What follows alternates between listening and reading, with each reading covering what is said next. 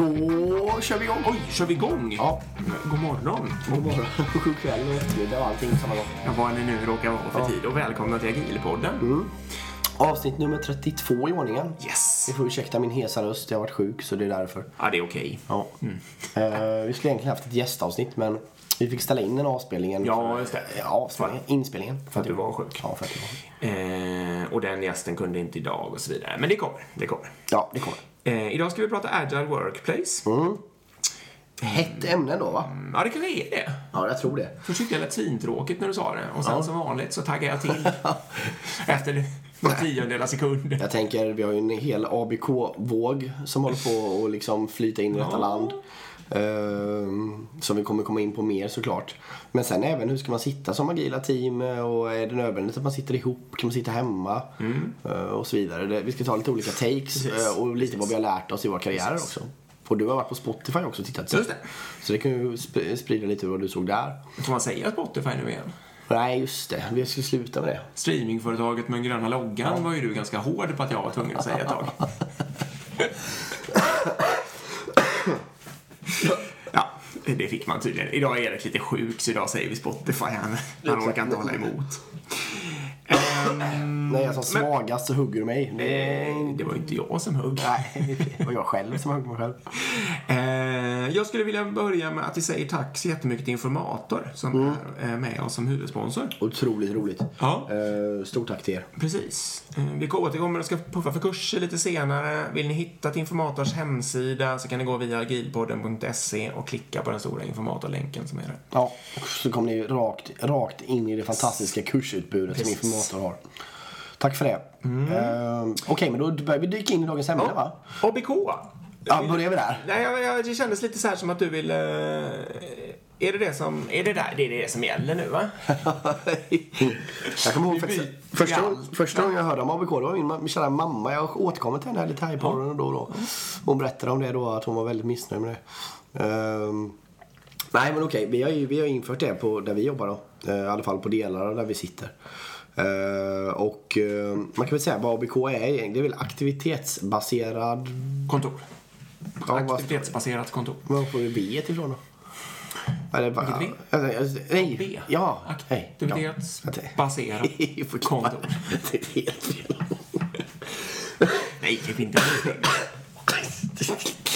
Var får- Ja, var får du O ifrån? Han har 42 graders feber.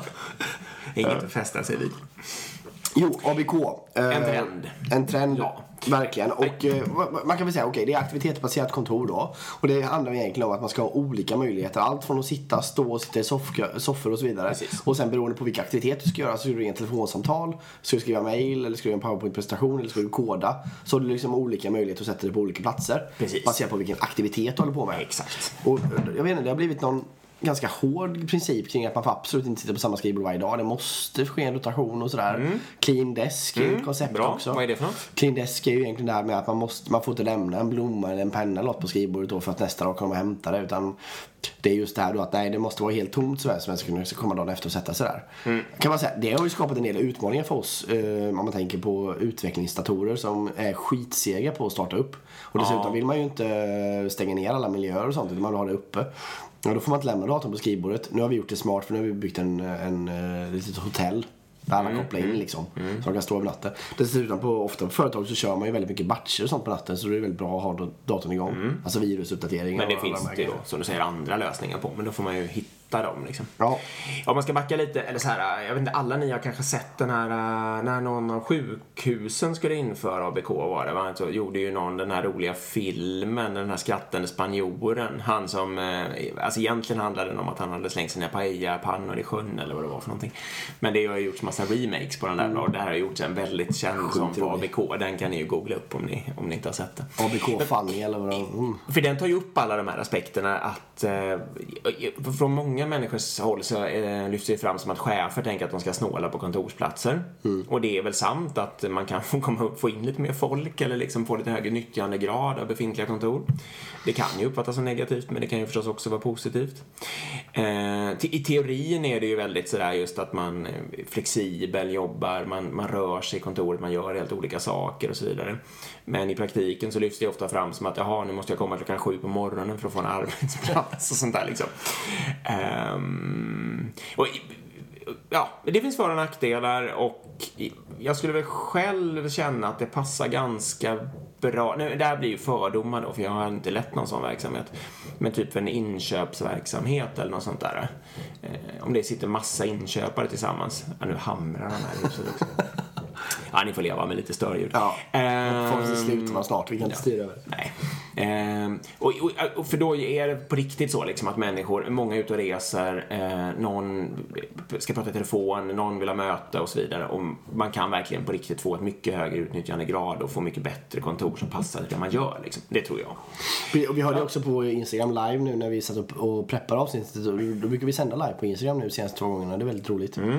Eh, och då sa vi det, då sa ju också en, eh, en tjej där att eh, på hennes uh, arbetsplats så införde de just på inköp först. Mm. Jag tänker mig att det är en lätt... Ja, det gjorde de på våran också. Ja, lågt häng, ja.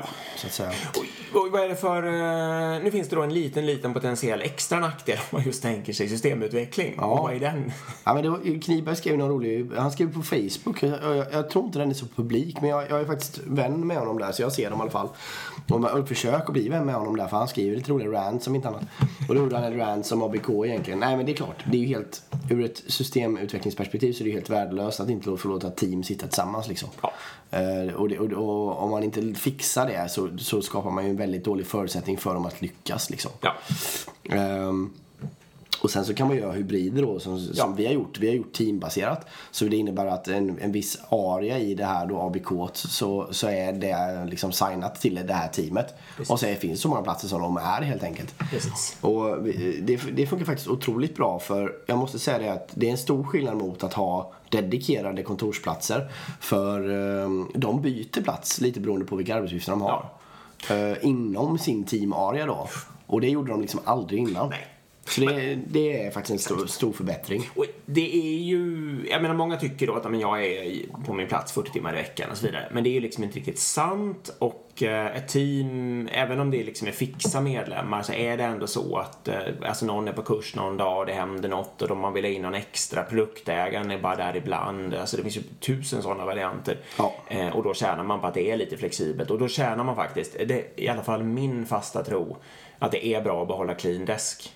Mm. För behåller man clean desk-konceptet, det vill säga att man måste rensa undan efter sig när man går, då, då behåller man flexibiliteten, att folk faktiskt inte fastnar i, i sina favoritplatser utan att de på riktigt sätter sig på det sättet som passar för just den dagens arbetsuppgift. Ja. Men ja, det, där kan man prata mycket om. Oj, många av er känner säkert hur blodet svallar nu när jag säger sådär. Mm. Hur ser du Men, vill jag, mer om ABK? Jag, bara, slutklämmen är väl egentligen, Kör. om ni gör ABK, se för guds skull till att den är teambaserad. Gå absolut inte med på att sätta en utvecklingsorganisation i en ABK eh, där de inte har fasta platser eller fasta Nej, arier att vara på. Om, om ni har en sån alltså ett kunskapsarbete som till exempel systemutveckling, men det är inte unikt för systemutveckling, som där människor ska arbeta i team och de större delen av sin arbetstid gör det, nej, då måste det ju vara någon slags fasta ytor i alla fall där de hittar varandra och sätter sig nära varandra. Mm. Jag ska bara säga en sak till som jag tänker på som jag faktiskt uppfattar som en stor fördel och det är att det är ändå en hel del annan personal um, även i en systemutvecklingsorganisation. Alltså det finns chefer och kanske någon enstaka projektledare och det kan finnas liksom eh, HR och ja, lite smått och gott. Eh, och då tycker jag ändå, och även för den delen även utvecklingstid, men tjänar väldigt mycket på de här andra sorternas ytor, alltså man kan sätta sig i små grupper, ni kör ju mobbprogrammering i Ja, Antingen i tysta rum eller i såna här små sittgrupper liksom. Det finns soffor där man kan ha spontana möten och så vidare det löser ändå väldigt mycket andra problem att ha ett ABK kring de här teamytorna så att säga. Jag, jag, måste, säga, jag måste säga, alltså ABK med de här fasta teamarierna, det är ju tio resor bättre än, än eh, det vi hade innan. Ja, ja, ja, jag tycker ja, det är helt fantastiskt. Precis. Jag menar de här soffgrupperna och launcherna och jag menar, jag kan tycka det är helt underbart att lägga min soffa och mejla i två timmar. Alltså istället för att sitta på en ja. kontor, alltså, och, och blanda det. Och även stå då och de möjligheterna. Jag tycker det är jättebra också. Då hoppar vi till, till eh, streamingfirman tror jag. Ja. För det ledde oss naturligt in på det. De kallar absolut inte det de har för ABK och de har fasta platser. Där kan man lämna över sina grejer och så vidare. Eh, men jag skulle säga att det är lite likt ändå därför att de har också ganska mycket kringytor där man kan röra sig och gäster liksom fritt kan dyka ner och sätta sig. Eh, om man besöker någon annan så finns det plats, man kan gå undan på någon kreativ liten yta liksom och sitta och göra dessa problem och sånt där. Mm. Eh, det finns mycket, ja, mycket mysiga saker, mycket att sitta på och så vidare. Eh, och det, det är lite likt då ett sånt här, vad kallar du Hybrid-ABK kallade du det? Ja, på något sätt. Mm. Eh, om man går vidare med dem så har ju de, ska bara nämna några smarta saker, så har de till exempel, ehm, kanske vi har sagt förut, men om man ska hämta ut um, kontorsmaterial eller för den delen alltså såna här uh, möss och tangentbord och sånt där, vad det nu kallas. Eh, då har de liksom inget attestförfarande, att måste sitta någon chef och godkänna det. Va? Utan, nej. Vad konstigt. helt enkelt ett litet ställe där vem som helst kan gå och plocka, men priserna syns väldigt visuellt.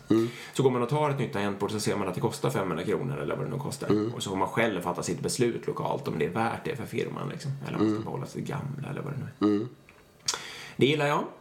Ja, man får ju tänka då att de sparar in. Det är lite som sån här eh, på golfbanor så brukar det stå, alltså brukar det finnas korv efter nio hål liksom. Och väldigt ofta så är det liksom en kassa och så står kokt korv där och så får du själv välja att betala eller inte. Ja. Och det, men det, det är liksom, ja men okej, var tionde person betalar inte. Men å andra sidan, det kostar liksom inte det kostar mycket mer att ha en person som står och kontrollerar det precis. liksom. Och det är väl samma sak här. Att ha en enhet som kontrollerar alla de här tangentborden och allting. Det kostar mer än förluster på att någon tar lite för ofta liksom. Exakt. Och hela den, eh, jag menar den som på, ett, på riktigt har behovet också slipper ju väntetiden. Man Ja. får ju ett, ett flöde. Ledtiden är väldigt kort. Exakt. Den, det är bara den promenadavståndet från där den råkar sitta till det här stället som, liksom, som det är hela ledtiden. Eh, de har ju en gaminghörna, ganska seriös får man säga. Alltså både med eh, alltså såna här eh, fotbollsspel och sånt där, men även eh, mycket, jag kommer inte ihåg vad det var exakt, men det är ju dat- speldatorer var det väl och kanske även tv-spel liksom. Eh, och det var ju verkligen avskilt, så där kan man ju verkligen spela så att det låter och så utan att det gjorde någonting. Ehm, och sen har de ju också, och det, det här kan man glida över lite på, vad är bra att ha? Det är faktiskt bra att ha ganska mycket olika ytor och grejer. Alltså man får gärna ha, de har en sån här liten aula, de har något ganska schysst café som man kan arbeta i. Liksom stora öppna ytor, små mysiga ytor, en del rum. eller- Ja, Ja, variation är bra där tror jag. Ja, det är det faktiskt. Man lär sig uppskatta det, man använder det till olika saker och alla hittar liksom det som passar dem på något sätt. Jag är väl också lite i den, eh, man kan liksom möblera sig ur olika problem. Till exempel är konferensrum ofta ett bekymmer på många. Det finns för få, de är för svåra att boka, de är uppbokade och där, där. Om man liksom har någon slags kombination av öppna ytor där man kan välja att störa varandra lite genom att vara i närheten av varandra och sånt där. Och ju fler som måste möta samtidigt, desto större blir det. Men man kan ändå få en enorm flexibilitet jämfört med att det bara finns ett visst antal fixarum. Eh, och de liksom är, antingen är de upptagna eller inte. Man måste tänka på att boka dem i tid och så vidare. Och så vidare. Det, det stoppar liksom arbetsflödet. Eh, så det gillar jag. Och det, så ser det också då ut lite till exempel på Spotify. Ehm, Vi kan också säga det att vi har gjort försök att få in både pingisbord och bollhav på vårt jobb. Ja. Utan framgång. Precis. Men däremot har nog jag uppfattat att jag skulle våga... mm, Tv-spelsidén kör vi nu. Tv-spel kör vi nu, ja. Och jag skulle nog våga klämma upp darttavlor och sånt där. Det hade vi ju sist också. Ja, vi körde ju darttävling varje år. precis. VM i dart.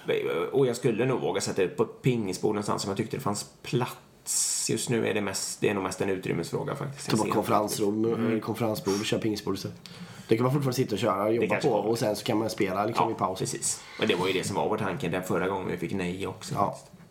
Men vi stretar på. Mm. Jag vet, någon dag kanske vi får in det. Jag ska säga också, jag besökte ju två stycken sådana här, det som kall- kallas ofta för labb då, men det är alltså ut, vad sjutton är det egentligen? Det är ju att man gör utveckling av nya tjänster, så kallas det för labb ofta om det är på ett stort verkstadsföretag. Liksom. Ja. Skitsamma. Det var också väldigt, så jag ska bara, vad jag egentligen ska komma till är att det är ju liksom inte bara Spotify, utan Nej. det var väldigt likt. De hade kanske så här till exempel pallar som de hade gjort i olika, alltså vanliga lastpallar som man kunde sitta på, som man möblerade om med och sådär. Man kunde liksom få till olika kreativa, mö- gör ditt eget lilla möblemang hur du vill ha det och sådana där saker.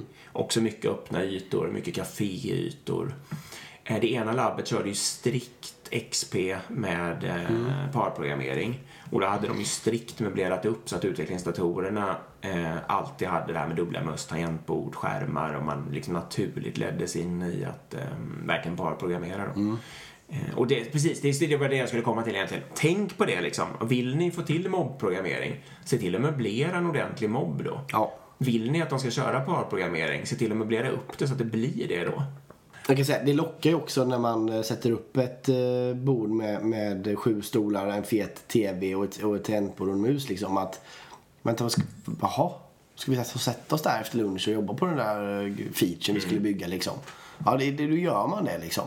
Eh, Så, så det går absolut att locka med att, att eh, ha, rätt för, eller, ha rätt möblemang och förutsättningar för det. Jag kan gå på, hoppa på en annan. Jag, jag, Kör. nu, jag har ju varit sjuk som jag hörde va.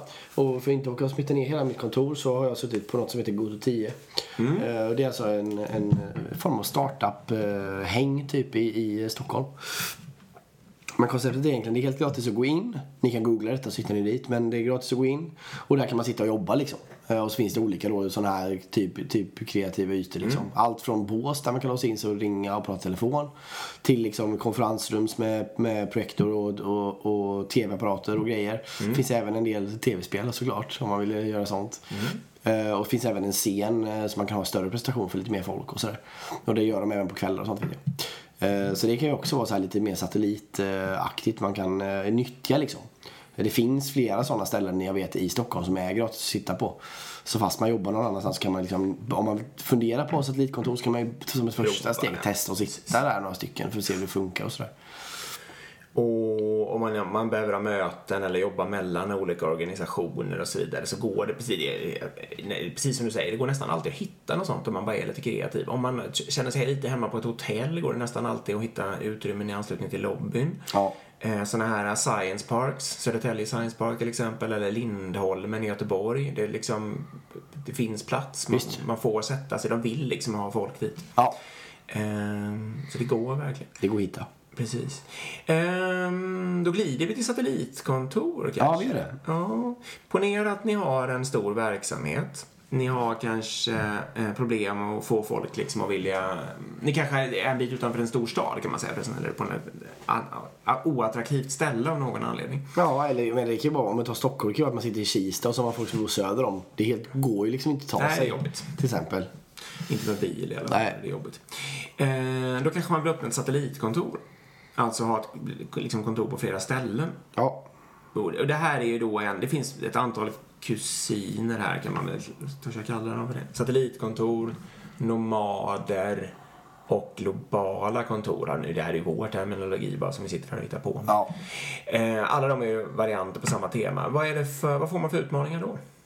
Ja, alltså ska vi förklara vad de tre innebär först? Ja, okej. Kör det först då. Satellitkontor är egentligen bara att du bygger ett, ett, ett kontor någonstans som är i närheten av liksom, där ni egentligen sitter. Eh, Men det kan ju vara ett sätt för istället för att eh, expandera där ni sitter nu och så ni vill testa en stund så sätter man upp en satellit som passar nära där medarbetare bor helt enkelt. Ja. Det är också ett bra sätt att rekrytera på och kunna säga att du kan sitta där du bor. Bara kan man rekrytera lokalt till exempel. Så. Det är väl den grejen med satellitkontor. Sen, Nomad är ju mer att man jobbar precis var man vill. Liksom. Precis. Det är bara att du, du kopplar upp dig var, var du än är i världen liksom. Precis. Digital nomad är ju hela termen. då. I hela termen på det. Och vad var det tredje sa du? Globala kontor, det är Ja. samma sak som satellitkontor fast att de är någon annanstans i världen helt enkelt. Exakt, och det är att man sätter upp sajter då. Ja. Snarare att man sätter upp en sajt i, i, i Asien. För det är kanske billigare utvecklingsresurser att anställa där och så vidare. Precis. Mm.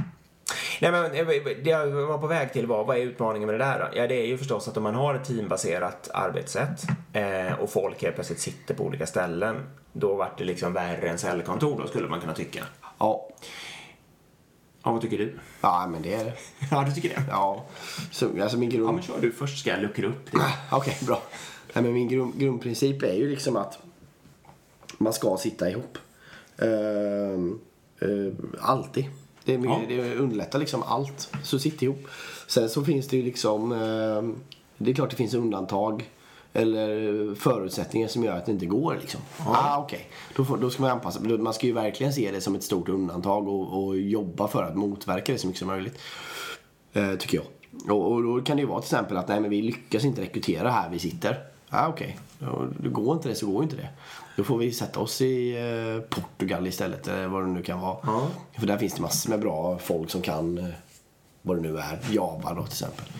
Uh, och så får vi bygga upp ett, ett kontor där med 80 pers och så får de göra massor med systemutveckling för oss. Mm. Okej, okay, fine liksom.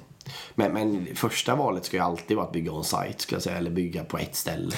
Ja, men det, håller väl självklart jag med. Om, om man då till exempel, eh, om man har lyckats klämma ur sig en populär streamingtjänst och lyckats eh, göra en, eh, en ganska cool kultur, så att säga, eh, som många, och dessutom har smäckat upp ett kontor i, i en huvud, mitt i, centralt i en huvudstad, så att många människor söker sig till ens företag. Mm. Då kan man ju sen då, precis som det här företaget har gjort också, kräva, eller åtminstone ha som riktlinje, att man jobbar på kontoret. Man jobbar inte hemifrån och inte från andra håll. Liksom. Nej, det är inte säkert. Vi kan ju ja. säga det. Spotify tillåter alltså inte det. Nej. De tillåter inte att man jobbar hemifrån. Man måste jobba på deras kontor. Precis.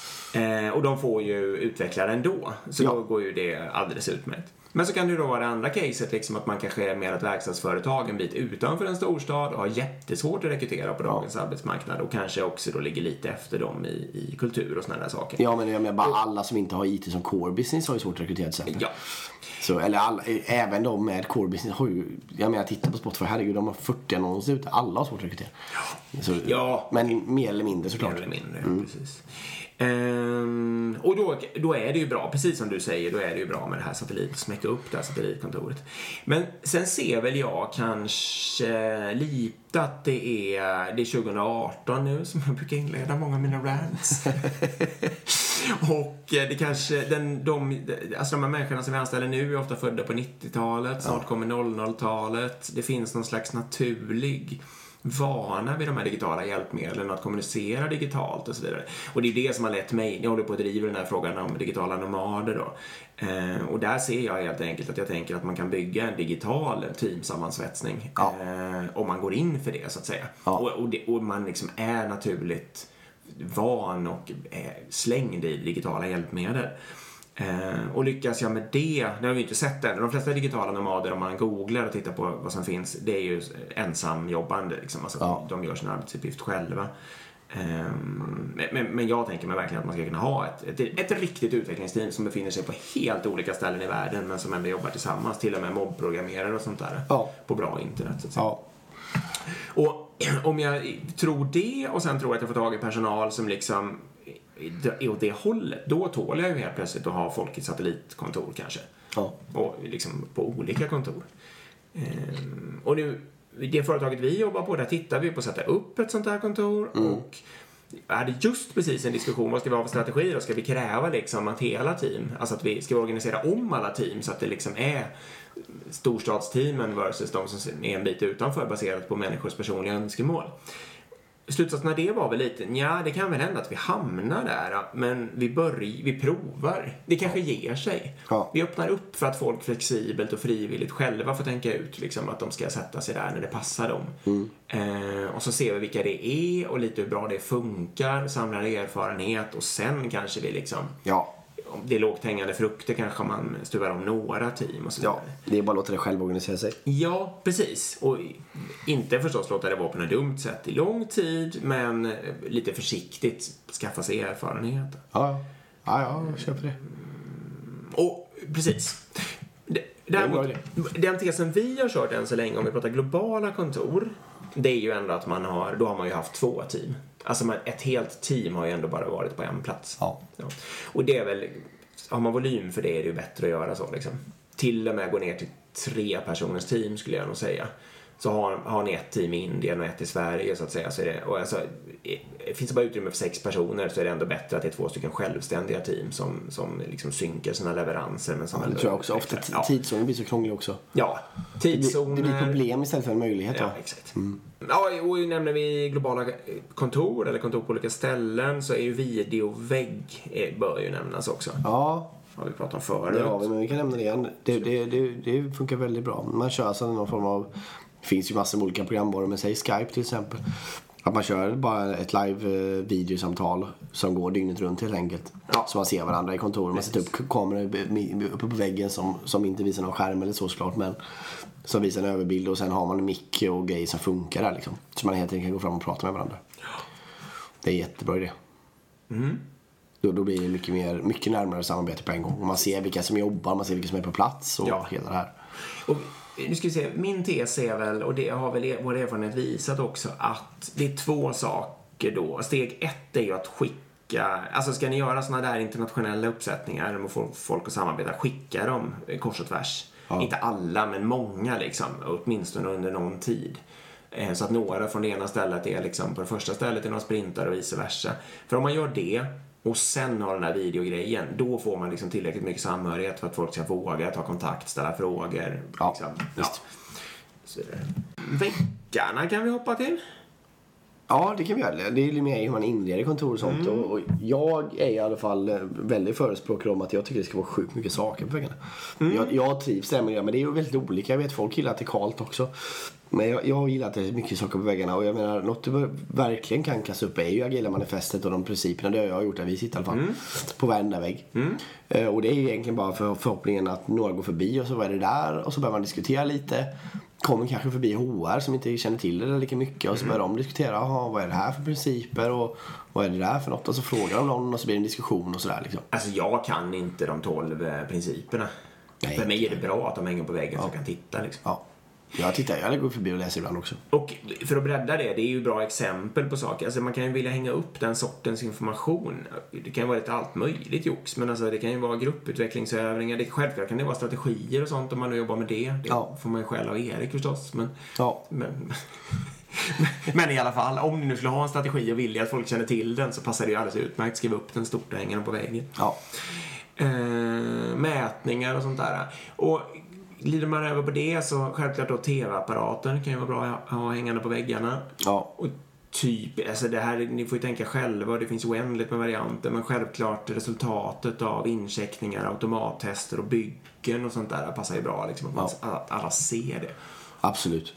Ehm, men Team, även Teamet, vilka team som finns i lokalen och alltså allt det går att göra liksom. gamification, om Ja. ni har eh, tävling mellan vem har rättat flest buggar eller något sånt där så är det roligt om man ser eh, topplistan liksom. Och så vidare. Ja. Jag vill även ha whiteboards. Ja, jag gillar det också. Både sådana som man, eh, alltså ägda och fria. Ja. måste säga. Alltså ägda som är att ett visst team eller några individer vet att det jag skriver här är mitt och det kan jag liksom ha kvar en liten stund. Man kan Mm. planera och greja på den. Ehm, och det kan ju då vara en scrumboard eller en kanbanboard och sånt där också förstås. Mm. Ehm, men även helt sådana som man, som man bara kan gå fram och byta idéer och sånt där. Mm. Kladder liksom.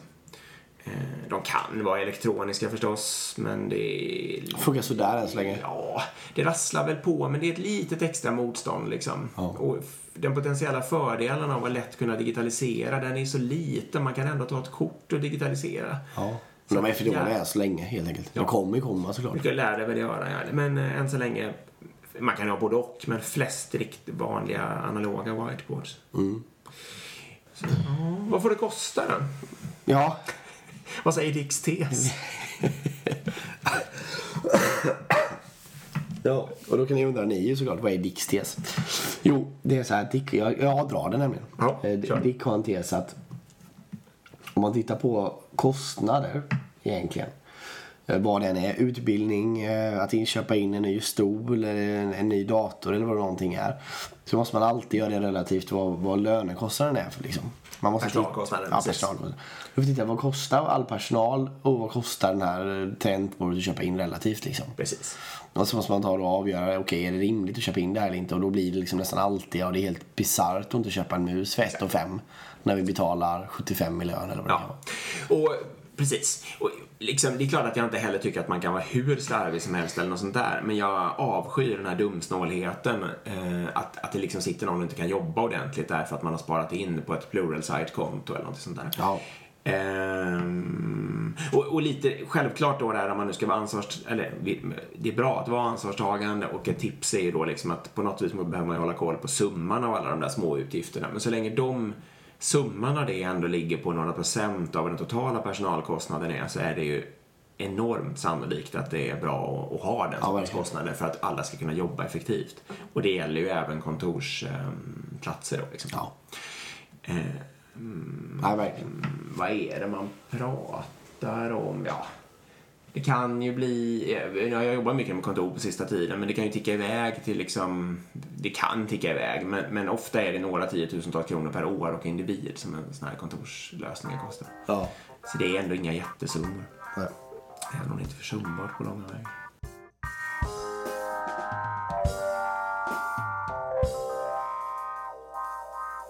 Då börjar vi avrunda dagens ämne. Det gör vi. Jag tror vi har försökt att täcka in det mesta.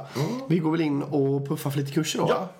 Vad har vi för något härligt i, i eh, skattkistan? Vi har lean agil eh, budgetering en dag. Det skulle jag vilja gå. Mm. Och den är alltså till för dig som liksom behöver planera och följa upp budgetar, som kanske har en ganska, eller på väg att få en lean agil kultur, eller en agil kultur, agila arbetssätt, eh, men som ändå har en förhållande till projektbudgetar och sådana där saker. Precis. Hur, hur ska man få med ekonomi i transformationen egentligen? Exakt.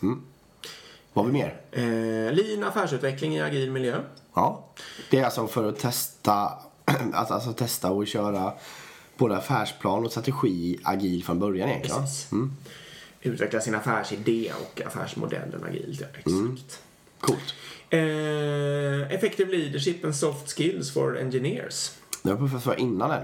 Ja. Eh, Och det är, det, det är egentligen bara för att ledarskap ligger ju inte bara på chef liksom. Nej. Det ligger på alla och för att kunna vara en aktiv medarbetare framöver så handlar det om att, att kunna bemästra det liksom. Ja. Eh, I alla former av branscher egentligen. Men typiskt för teknikorienterade organisationer. Liksom. Verkligen. Folk har mycket teknikkunskap, behöver även ha eh, soft skills och ledarkunskap. Det är det som Alla- kommer att avgöra framöver. Alla är chefer eller alla är ledare. Alla är ledare. Precis. Så alla de här tre kurserna hittar ni såklart på deras hemsida va? Eh, dit hittar ni lätt via att klicka på agilpodden.se och sen in på informatorloggan där. Om ni anmäler er, ange gärna agilpodden så de vet att det kommer från oss. Precis. Supertack för det, eh, informator. Ja, verkligen. Jättekul att ni är med oss. Ja, verkligen. Då har vi två lyssnarfrågor. Precis. Ja. Ska du ta den första? Ja, den första var, vi körde ju lite eh, Insta livesändningar innan vi började spela in nu. Ja. Och då frågade vi efter lyssnarfrågor. Ja. Och då fick vi ungefär den här frågan. Eh, hur ska man jobba tvärfunktionellt mellan olika agila team? Eller för den delen, hur ska man jobba tvärfunktionellt eh, om man har ett agilt team och eh, andra team som absolut inte är det? Det, det, det, den sekundära frågan är ju jobbigare. Eh, Ja, jo, det är den ju förstås. Själv. Jo, det är det. jobbigare. För de, den traditionella organisationen kommer tycka att du är sjukt eh, oklar som hela tiden ändrar din planering. Eh, Som bara, men ni sa att ni skulle leverera den här om åtta veckor, nu har ni ändrat er. Ja, prioriteten har ändrats. Ja, men det kan ni inte göra för nu är vi beroende, alltså du vet den. Ehm, och de kommer ju vilja så här samtesta i tre veckor och du vet, ja. Det, det är, den är inte enkel. Eh, man får väl försöka bygga lösningen så, så man blir så absolut oberoende som möjligt av dem. Liksom. Ja. Att man kan feature-toggla det på något sätt och leverera det utan att ha beroendet att de måste samleverera det och Ja, sådär. feature-toggling, kan ni det är det ju drömläge, det måste man ju säga. Ja. Alltså gör all funktionalitet i förväg men har den avstängd. Eh, tills de Och sen andra- så kan de få lägga in det i sin projektplan och köra det när de vill. liksom. Exakt. Eh, sen måste vi väl en, vill vi ju nämna samlokaliseringen. Liksom, har ni någon chans till det är det ju fruktansvärt kraftfullt. Det Mm. går ju liksom inte att vara sur och okoordinerad med någon som man sitter bredvid. Nej. Det händer liksom inte. Nej, då, då, då händer det, då blir koordineringen gratis liksom. Ja. Ehm, men det är, och sen, och sen ska sägas då, det här beror lite på vad det, vad det gäller självklart, men alltså någon form av synkpunkter, det vet vi också att om, om man jobbar med hårdvara och mjukvara så jobbar man ofta med synkpunkter. Och det går ju självklart att definiera synkpunkter även mellan olika team så att säga. Ehm, och så får man bara försöka lita på att alla förhåller sig till dem på ett sunt sätt. Ja. Eh, vad jag själv kan känna är att man kan, dels kan man se det som ett hot, mm, men man kan också se det som en möjlighet till gratis utbildning av de som inte är så himla agila. Ehm, att, att lyckas man med den här samlokaliseringsgrejen till exempel, då kommer ju det mindre agila teamet att se hur de andra gör. Eh, Och då kanske kommer de bli- Ja, garanterat vilja börja testa. exakt. Så det ska inte underskattas heller. Nej. Ehm, agilt, agilt då? Ja, då finns det ju, alltså jag har ju själv kört Scrum, Scrum of Scrum då, alltså jag vet egentligen vet jag inte var Scrum of Scrum kom ifrån. Jo, men det är en safe practice. Är det det? Ja, det är för mig att vi konstaterar. Okej, eh, det kan vara.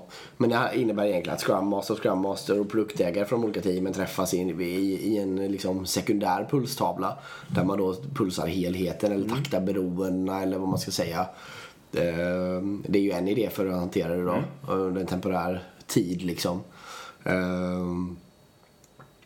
eh, ja. Ja, Big Room Planning kan man väl nämna också. Det är också en safe... Ja, jag är inte helt tvärsäker på det. ja, Big Room Planning är safe. Det är det. Okej, då kanske jag blandar ihop dem. Skitsamma. Eh, det är ju att man samlar alla i ett rum helt enkelt. Och, Du gör sprintplanering ihop. Alla team som har beroende med varandra. Exakt. Det, det är en bra idé. Ja, det är en bra idé förstås. Eh, Så den sortens, och de andra idéerna kvarstår ju förstås. Alltså eh, synkpunkter, samlokalisering. Det är fortfarande inget fel på det. Nej precis, men sen jag menar i slutändan så handlar det ju om att har ni bara backlog och roadmaps för varje team eller för varje applikation utan beroenden till varandra så måste man försöka få till antingen måste man börja på riktigt jobba bort de integrationerna eller beroendena eh, Alternativt så måste man fatta synkningen i att om jag flyttar på den här grejen i min backlog nu så kommer det påverka team, Teams Bs backlog utan att de vet om det. Mm. Den är viktig och då får man ju bygga produktägarteam som ansvar för helhetslösningen. All, alternativt att tillsätta någon scrum och scrum eh, koordinering liksom. I värsta fall om det är liksom 20, 30, 40, 50 team liksom eller massa olika applikationer och det är superkrångligt och det där behöver koordineras och testas på något sätt. Då finns ju projektledningskortet faktiskt att dra där. Nej, och det sa jag väl förut eh, också när vi hade livesändningen igång. Att jag menar, jag har ju en organisation som är ungefär 170 människor. Jag är en projektledare nu. Och eh, det är väl ungefär, och jag kanske skulle kunna ha två. Men jag menar, självklart eh, Dels som du säger, det kan vara superkrångligt men också lite kan jag tänka mig att spela det kortet när det liksom är en liten leverans i, om man har en riktigt stor organisation som det, Ja. som det är ju, vi pratar om, det är ju 1500 människor eller något. Man har en liten leverans i ena änden och en annan i andra änden och det är inte så ofta som just de två leveranserna behöver synkas och så Nej. har man några sådana beroenden liksom. Men det ändå är väldigt viktigt att man får till det. Ja, då är det väl orimligt att organisera om och samlokalisera och flytta och hålla på Ja. liksom. Då kan man ju tillåta sig någon slags koordinator snedstreck projektledare. Ja. Absolut. Eh, bara man är medveten om att det är ett undantag som, som passar för just det. Och det är en temporär lösning också. Ja, precis. Det är en temporär lösning. För är det en permanenta flöden så, som man kan se i flera år, då är det mycket bättre förstås Då får man bygga om. Exakt. Bra. Ja, men det är väl det. Hop- hop- Hoppas det gav någon idé på hur ni ska, hur du ska lösa ditt problem. Ja. Och den andra frågan ska du läsa upp. Ja. Men den kretsar kring stora organisationer. Exakt. Eh, och eh, först och främst så tackar han för en eh, trevlig podd. Ja, det är ju väldigt roligt. Ja. Eh, men, eh, nej, men frågan är egentligen att eh, hur ska man arbeta agilt i större organisationer där, det, där man finns mycket ryggsäck som försvårar. Då till exempel gamla system. Mycket förvaltning, förvaltningsplaner, vi och dem-tänk och, och så vidare. Då. Och enligt den här brevskrivaren då så är också en av de vanligaste frågorna är hur man ska arbeta med dokumentation. Liksom, är user stories tillräckligt? Eller hur ska man eh, hantera dokumentation? Eh, och även manualer för att förstå ett system. Det känns lite 90-tal om jag ska vara ärlig. men men eh, visst, absolut. Jag menar, ja, vi kan komma in på det. Jag ska inte gå på lösningen riktigt. Eh, är bara, det bara börjar brinna i mig när jag läser. Eh, Ja, och sen så kommer även hur man ska testa då. Och kopplat till dokumentation. Ehm, han skriver här att det finns en strävan på arbetsplatser att alla vill jobba agilt. Eh, både IT och verksamheten. Och en del är faktiskt agila också. Eh, och vissa kanske inte har kommit så långt då. och vissa tror att bara man kör eh, user stories och sprintar så är man agil. Eh, men allt annat är som vanligt och- vattenfall liksom. Eh, Så det var väl frågan. Det var, Ja, mycket ja. information i frågan men det var väldigt, väldigt, väldigt bra fråga måste jag säga. Ehm, Jag tror du, du kör du. Jag tror du håller på att spricka annars. Alltså för, om vi bara går in på manualer, det får man ju absolut inte under några som helst omständigheter skriva idag. Uh, nej, men det finns ju ingen anledning överhuvudtaget att göra det. För det första så, om du måste ha, det finns några... ja, det stämmer väl ändå. Jag ska bara slå upp lite manualen här till Spotify innan. Hur man startar. Jag vet, eh, nu har jag många bollar i huvudet här, men jag vet min svärfar, han ringde mig när han köpte en iPhone och var helt förkrossad. För han är liksom en gammal sån här eh, ingenjör, pensionerad ingenjör. Som liksom har jobbat i Försvarsmakten hela sitt liv och liksom, du vet, otroligt noggrann och följa saker och sådär. Och så har han köpt en iPhone och det han gör när han köper en ny TV80 är att han sätter sig och läser från perm till perm alla så instruktioner. Ja, för han Och fattar. så fanns det ingen. Nej, det finns inget iPhone. Överhuvudtaget. Och han, var, han ringde mig och bara, jag har glömt skicka med den och vad, vad, ska jag göra? Ja, men, och för han, jag kan fatta hans behov för han, han vet inte vad en TV ska ha för funktioner idag. Han fattar inte vad smart-TV är. Han är jätteteknisk och duktig så när han har läst om en smart-TV och all, exakt hur den funkar då kan han ju använda det sen också. Men innan så vet han inte ens vad det är. Eh, Men, men okej, Eh, det var, det var en, sidopunkt. Jo men för det första är det så här att om du måste ha en manual till ditt system så måste du bygga om systemet. För då är det ju felbyggt liksom. Ja, är fel i ja, jag menar, gubigt är fel, ja precis. Jag menar, är det så jävla avancerat att du måste ha en manual där man ska gå in och läsa så, så, är det no, så måste ni bara titta, börja titta på hur kan vi bygga om detta och skapa lättare flöden för de som använder systemet. Ja. Eh, och nummer två, om man då ska visa, om det, faktiskt, det kan ju faktiskt vara så att det är ett väldigt komplext system eh, som kräver väldigt mycket tankeverksamhet och väldigt många inputfält och beräkningar och kalkyler och allt sånt. Men jag menar, gör YouTube-videos för guds skull. Och, och Ja. gör, liksom visa hur man gör, visa vet, du, användningsfall, spela in det med lite härlig röst och lägga upp på YouTube. Och, och du kan ju, man kan lägga det hemligt och skicka. Ja. Så. Det är ju svaret på just användarmanualer. Vill du fortsätta ranta eller ska Nej, hoppa in du nu. Jag måste vila min röst lite. Okej. Eh, För om vi hopp, liksom själva kärnan i frågan är ju lite det här. eh, Det är mycket arv helt enkelt. Det är mycket processer och grejer. Eh, och, och, och gör man. Jag kan känna två saker. Dels kan jag känna att man då behöver, det behöver ju finnas ett mod och man får ju på något vis Kanske, det här beror ju så himla mycket på vad det är för chefer och vad folk vågar och sådär. Men ponera att eh, man liksom kan titta på, eh, tillför den här processen som helhet någon, någon fördel liksom. Och som, om man är ganska säker på att svaret är nej, då kan man ju bara skrota alltihop och börja på ett blankt papper. Så man måste liksom försöka överväga den sortens lösningar.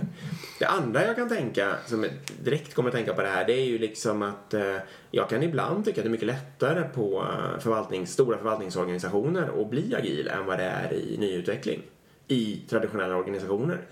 För när det kommer till nyutveckling då är det mycket det här med business case och det är liksom mycket projektorganisationer och det är- det är resursallokeringar procent och det ska räknas timmar som man kräks och fan allt måste. Ja, och verksamheten följer upp stenhårt Ja, det är aktuellt och de följs upp på det liksom. Men om man däremot har en, det som kallas för förvaltning, då har man troligtvis en burn rate. Man, det kostar något i fjol och man lägger upp samma budget nästa år. Man får liksom en naturlig personalmängd som, som man då kan skapa team av som liksom får jobba med den här frågan kontinuerligt och bygga sin kunskap och kompetens. Man får liksom den här sköna teknikorienterade eh, te, eh, linjeorganisationen som lätt blir skrumteam så att säga.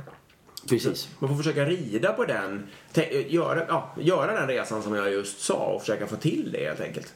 Ehm, och så liksom utveckla det hela agilt därifrån och sen då öka värdekedjan, alltså få med verksamheten både på krav och, och sen nedströmssidan. Liksom. Få tätare och tätare produktionssättningar. Jag, får jag säga en sak till? Ja. Jag hör att du spricker. Men Ja. eh, jag har ju varit med många gånger i mina förvaltningsteam om att man har velat göra täta produktionssättningar av verksamheten. Säger det, jag orkar absolut inte. Då börjar man, och då kanske verksam, alltså ner i riktig produktion kanske en gång i kvartalet. Men då börjar vi att produktionssätta varannan vecka. Och sen när vi har kört det ett tag och liksom hela tiden funkar och så vidare, alltså till någon acceptanstestmiljö eller någonting. Då kommer de ju börja komma och knacka på liksom, okej, men då kanske inte vi ska låta det här ligga i tio veckor. Eh, det som ni liksom gjorde efter två veckor och så vidare. Och så börjar bollen rulla lite. Precis. Nu får det komma. Ja, jag skulle bara... ja, Det var kul ämne. Kul fråga. Alltså. Eh, Jag att vi går igång här på kvällskvisten. Eh, jo, men eh, det är ju också det att eh, om, eh, ni måste, på gamla system och i gamla sådana här förvaltningsorganisationer så måste ni börja mäta vad är ledtiden från att en idé kommer in till att den är ute i produktion. Ja. Och jag menar, börjar ni titta på den, eh, den ledtiden som ofta är år. I snitt, sjukt nog. Eh, precis. På de här systemen. Då är det ganska självklart att man måste göra någon drastisk ändring för att få ner det till veckor eller dagar. Liksom. Verkligen. Och det går att ta, jag försöker göra det, jag håller på just nu själv nämligen, att ta legacy-system och bygga om det till en modern applikation. Mät, gärna, mät i, snitt, precis det som Erik säger och så här, och mät gärna längsta och så här, om ni kan ha koll på det. Men mät gärna den kortaste också och även om det är en bugfix.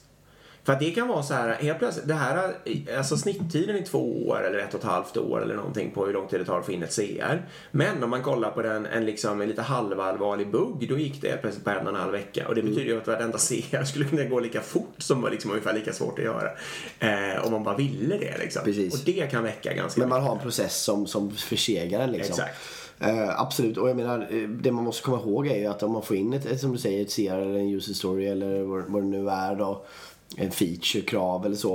Och sen levererar man det ett år och ett halvt senare. Det är väldigt stor risk att man har missat värdet då. För Ja, ja. Det, det, menar, det är ju ingen som behöver den där grejen ett och ett halvt år senare liksom. Ja, det kan det göra. Jo, men det är väldigt lite. gärna om, om ni tänker de, de systemen ni använder idag så önskar ni en feature i de systemen. Antagligen så om ett och ett halvt år så är det inte samma feature ni vill ha liksom. Precis. Så, okej. Dokumentation då. Ja, Det är ju ett hett ämne också. ja.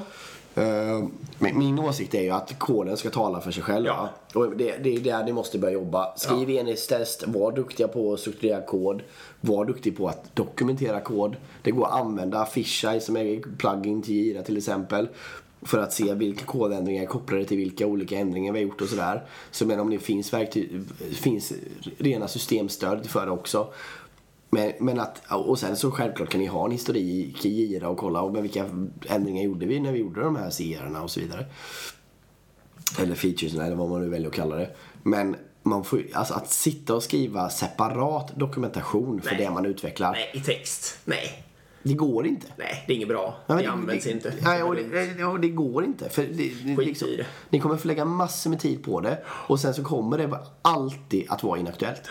För så fort ni har skrivit klart den där koden så kommer någon komma in, behöva refakturera över den där, koppla till en annan metod eller klass eller någonting som gör att nej, men nu ändras ju allting här. Och då finns det liksom ingen chans, speciellt inte när man har en kritisk bugg eller man har ett stort tryck på att få ut en feature. Det finns inte en chans att hålla det dokumenterat. Det är det första man kommer stryka. Släpp det bara. Ja.